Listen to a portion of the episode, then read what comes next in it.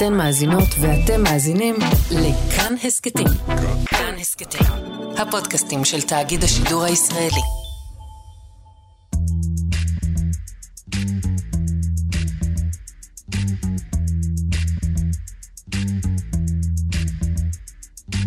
שלום שאול אמסטרדמסקי. שלום אלון אמיצי, ושלום לכל מי שהצטרפו אלינו לעוד כיסון, פרק קצר ואקטואלי של חיות כיס.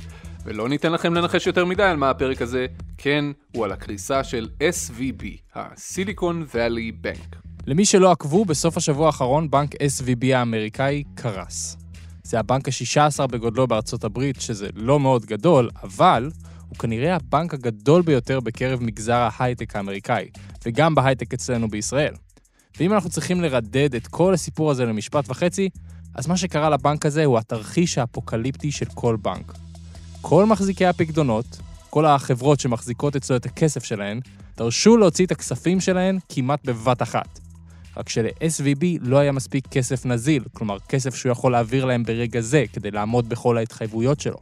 אז הבנק נסגר, והגוף הפדרלי FIDC, התאגיד הפדרלי לביטוח פקדונות, לקח פיקוד על המצב. החל מיום שישי האחרון ועד לרגע שאנחנו מקליטים את הפרק הזה, בראשון בבוקר, כל הכסף שבבנק אינו זמין. אף לקוח לא יכול להוציא כסף מהחשבון שלו. ואנחנו מדגישים שאנחנו מקליטים את הכיסון הזה בראשון בבוקר, כי מדובר באירוע מאוד גדול שעדיין מתגלגל והוא רחוק מלהיגמר, ויכול להיות שבין רגע ההקלטה לבין הרגע שתשמעו את הפרק הזה, יקרו עוד הרבה דברים חשובים בסיפור הזה. אז בפרק הזה אנחנו לא מנסים לתת לכם את העדכון האחרון והסופי בנוגע למצב של הכסף והסטארט-אפים וההייטק ב-SVB, אבל מה שכן נעשה, זה נדבר על ההשלכות הצפויות של האירוע הדרמטי הזה. איך הוא ישפיע על חברות ההייטק בחו"ל ובישראל, מי ייפגע יותר, חברות ענק או סטארט-אפים קטנים, ואיך הוא עלול להשפיע גם על בנקים אחרים. בקיצור, מה המשמעות של האירוע הזה עבור כולנו. אבל לפני שנעשה את כל זה, אנחנו חייבים לענות על שאלה אחת. איך לכל הרוחות קורה מצב שלבנק נגמר הכסף?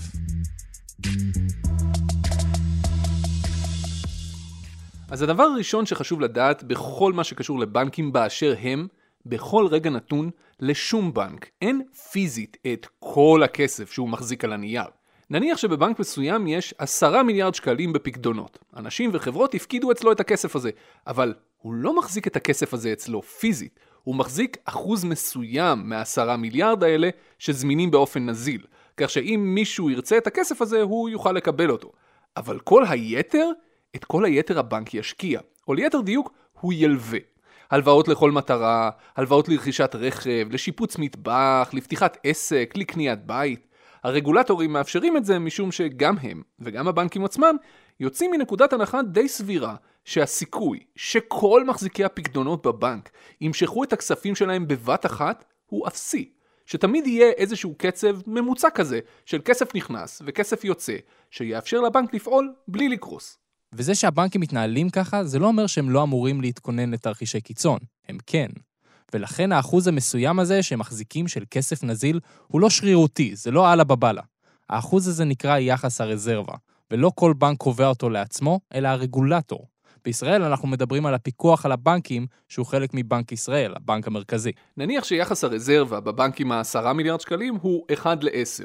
זה אומר שעל כל שקל שהציבור מפקיד בו בפקדונות, הוא צריך להחזיק אצלו פיזית רק 10 אגורות. ואת יתר הכסף הוא יכול להלוות. אז אם הציבור הפקיד שם 10 מיליארד שקלים, הוא צריך להחזיק אצלו רק מיליארד אחד. 9 מיליארד יהפכו להלוואות. זה יחס הרזרבה. ככל שיחס הרזרבה קטן יותר, ככה בנקים יכולים לעשות יותר כסף מהכסף שהם מפקידים אצלם. גם בארצות הברית, וספציפית בעמק הסיליקון, איפה ש-SVB יושבים, יש חוקים שאמורים לדאוג שהבנקים יחזיקו יחס רזרבה מסוים. או לפחות היו חוקים.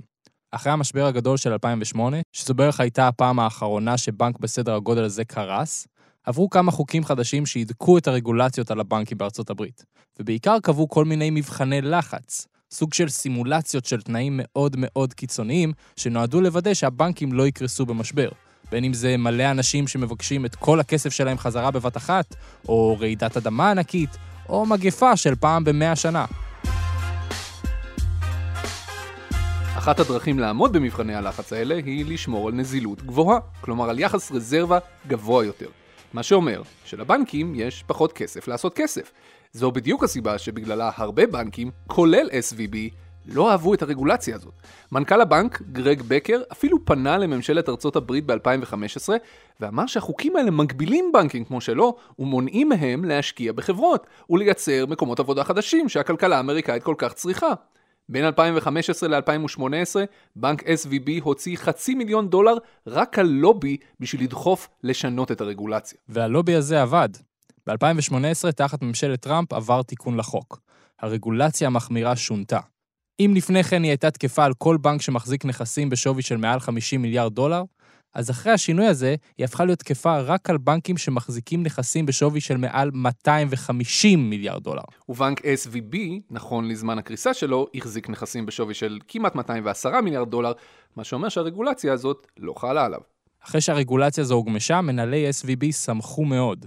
SVB הרי הוקם ב-1983 עם מטרה מוצהרת להתמקד בהייטק, להחזיק פקדונות ולתת הלוואות לסטארט-אפים. וסטארט-אפים מאוד מאוד אהבו להפקיד את הכסף שלהם ב-SVB. גם סטארט-אפים אמריקאים וגם ישראלים. זה היה הולך ככה. סטארט-אפ היה מגייס כסף ממשקיעים, נגיד 100 מיליון דולר, ומיד היה רץ להפקיד את הכסף הזה בפיקדון ב-SVB, כי הוא היה מקבל עליו ריביות ממש טובות. וכשהגיע הזמן לבנק להשקיע את הכספים שהוא קיבל מסטארט-אפים, אז כמובן שאחד האפיקים המועדפים עליו היה לתת הלוואות לסטארט-אפים עצמם. ככל שיש על הבנק פחות רגולציה, ככה הוא חופשי לתת יותר הלוואות. וזה נכון שבעתיים בתקופה הכי יפה ופרחונית של שוק ההייטק, התקופה שבה הכסף היה זול. ב-2021, שנת השיא של ההייטק, גם בישראל וגם בעולם, בנק SVB הכפיל את עצמו. שווי הנכסים שלו גדל מ-62 מיליארד דולר ל-124 מיליארד דולר.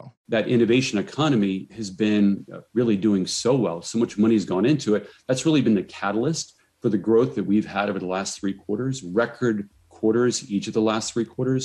מי ששמעתם עכשיו זה אותו גרג בקר, מנכ"ל בנק SVB בימים יפים יותר ב-2021. הוא אומר שכלכלת החדשנות זה המקום להיות בו, ושהיא זו שהובילה לרבעון אחרי רבעון של שבירת שיאים ב-SVB. וב-2021 זה אולי נשמע הגיוני, אבל 2021 נגמרה, ו-2022 הביאה איתה משהו שלא קרה הרבה מאוד שנים לפני כן. ואם אתם מאזינים קבועים לחיות כיס, אז אתם כבר שמעתם אותנו אומרים את זה שוב ושוב ושוב בזמן האחרון, אבל זה רק בגלל שזה באמת היה האירוע הכלכלי הכי חשוב בשנה הקודמת, אולי אפילו בעשור. בתחילת 2022, הריבית התחילה לעלות, גם בארצות הברית וגם בכל העולם. וכשהריבית עלתה, ועלתה, ועלתה, עברנו כולנו מעולם שבו לכסף לא היה מחיר, לעולם שבו לכסף יש מחיר, הוא מחיר גבוה. ועבור SVB, עליית הריבית הייתה אבן הדומינו הראשונה שנפלה. כל האבנים שנפלו אחריה הובילו לקריסת הבנק.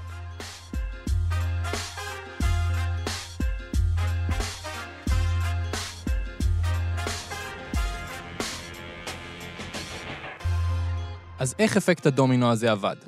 בשיא התמצות, בגלל שהריביות עלו, אז הכסף נהיה פחות זול, וזה הוריד את הביקוש להשקעות יותר מסוכנות.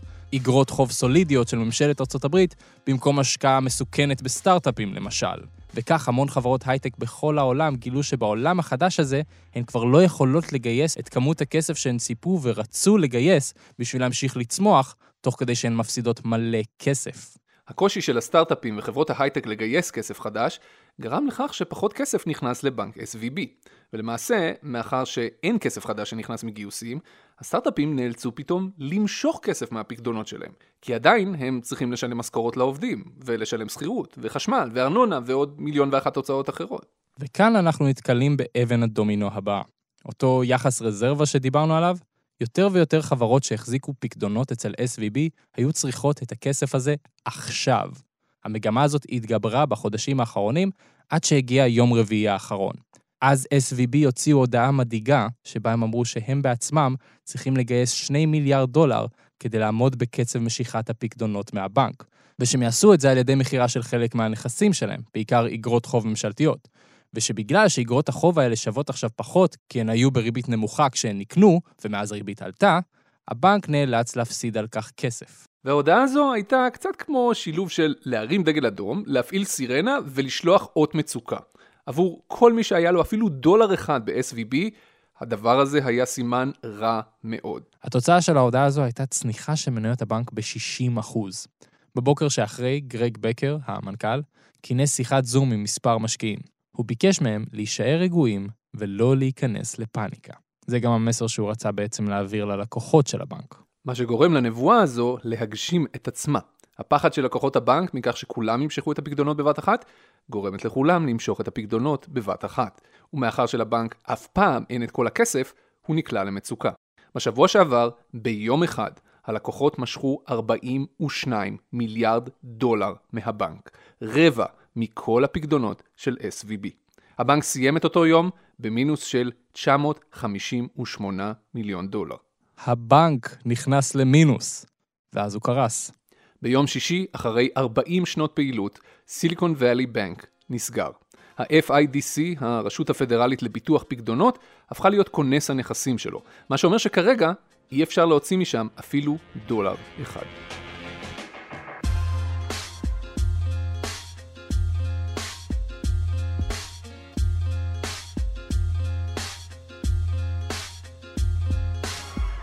נזכיר שוב שאנחנו מקליטים את הפרק הזה בראשון. יום המבחן האמיתי יהיה יום שני, זה יום הפעילות הראשון בשבוע בארצות הברית. ורק אז, האנשים והחברות שעדיין מחזיקים כסף ב-SVB, אולי ידעו מה קורה עם הכסף שלהם, כמה ממנו הם יראו בחזרה, ומתי. וזה כולל אנשים וחברות שכבר נתנו הוראות למשוך את הכסף, אבל עוד לא ראו את הכסף בפועל. אבל אמיצי, אמרת שיש ביטוח פקדונות. זה נכון, רק שהביטוח הזה מכסה רק עד 250 אלף דולר. ואם עקבתם אחרי המספרים המפוצצים שהבאנו עד כה בפרק, אתם יכולים להבין כמה מעט זה 250 אלף דולר. לצורך העניין, רק 3% מכל לקוחות הבנק החזיקו פקדונות של עד 250 אלף. הרוב החזיקו הרבה הרבה יותר. ואלה כבר חדשות מאוד רעות עבור המון סטארט-אפים, ביניהם המון סטארט-אפים ישראלים, וגם עבור חברות בשלבים מתקדמים יותר של צמיחה. אבל יש גם כמה דברים מעודדים. כלומר, להישאר רגועים ולא להיכנס לפאניקה. אני אנסה להיות מאוד זהיר, כי מאוד קשה לחזות את העתיד בתנאים כאלה. לפי הערכות בארצות הברית, מדובר באירוע חריג שכן אפשר להכיל אותו, ושבנקים אחרים כרגע לא סובלים מבעיות נזילות. הרבה ממניות הבנקים האחרים אומנם ספגו מכה בבורסה בעקבות האירוע הזה, אבל הם כנראה לא בסכנת קריסה. למעשה, חלק מהבנקים האחרים, כולל בנקים ישראלים שמפעילים מין שלוחות בחו"ל, רואים במשבר הזה הזדמנות. הם התחילו לסייע לסטארט-אפים לפתוח חשבונות אצלם, וגם נותנים להם הלוואות גישור, עד שהם יבינו כמה מהכסף שהיה להם ב-SVB, הם יראו בחזרה. חוץ מזה, חברות הייטק גדולות יותר, שאולי גם פיזרו את הפקדונות שלהן בעוד בנקים, נמצאות כרגע במצוקה פחות קשה. כי העניין העיקרי כרגע זה אורך נשימה. סביר להניח שאחוז גבוה מהכסף שכרגע תקוע ב-SVB יגיע בסוף לכל החברות האלה, למרות שלא כולו. השאלה העיקרית היא מתי, והשאלה הזו היא קריטית עוד יותר בארצות הברית, כי שם משלמים משכורת פעם בשבועיים. והכסף הזה ששכב ב-SVB, הכסף הזה משמש להוצאות השוטפות, בין היתר למשכורות. מה שאומר שאם הסטארט-אפים לא יקבלו את הכסף שלהם במהירות, תשלומי משכורות לעובדים ייאלצו להידחות. אם זה יהיה בכמה ימים, כנראה שזה יהיה אירוע חריג, אבל לא משמעותי מדי. אם זה יהיה יותר מזה, תהיה לזה השפעה על החלטות שיקבלו העובדים וגם הלקוחות של אותן חברות. וכאן גם המשמעות הכי קשה עבורנו.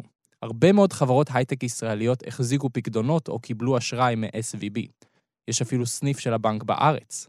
כרגע לא ידוע כמה חברות בדיוק, וכמובן שאף חברה לא תמהר להכריז שהכספים שלה תקועים ב-SVB, אבל כנראה שיש מספר לא מבוטל של אנשים בארץ שמנסים להבין ברגע זה איך הם מחלצים את הכסף. וגם כאן בישראל ההבדל החשוב הוא הגודל והיציבות. ככל שחברה גדולה יותר ויש לה תזרים מזומנים יציב יותר, היא כנראה פחות תיפגע, או אולי אפילו לא תיפגע בכלל מכל הדבר הזה. מי שיותר בסיכון הן החברות הקטנות והפחות יציבות. חברה שהתנדנדה עוד לפני השבוע הזה ועכשיו לא יכולה לגשת לכסף שלה, חשופה לפגיעה משמעותית. זה אומר שאם זה לא ייפתר מהר, יש מצב שעשרות, אולי אפילו מאות סטארט-אפים קטנים, ייסגרו.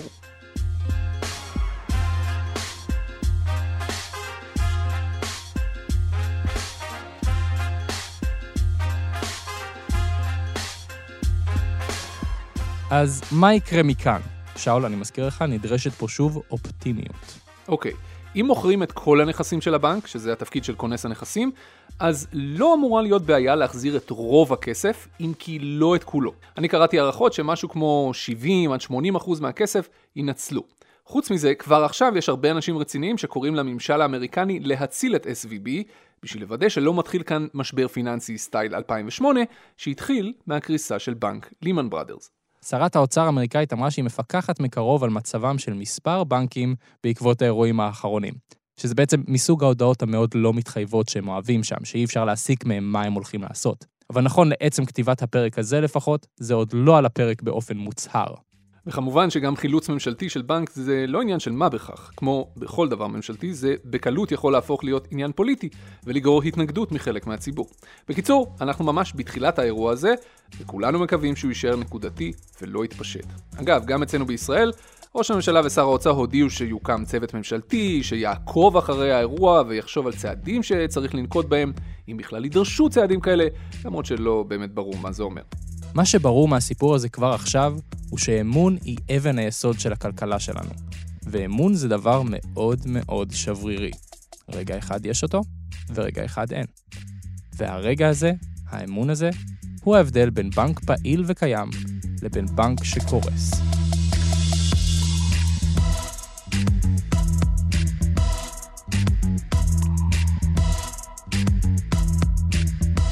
אתם האזנתם לעוד כיסון, פרק אקטואלי וקצר של חיות כיס.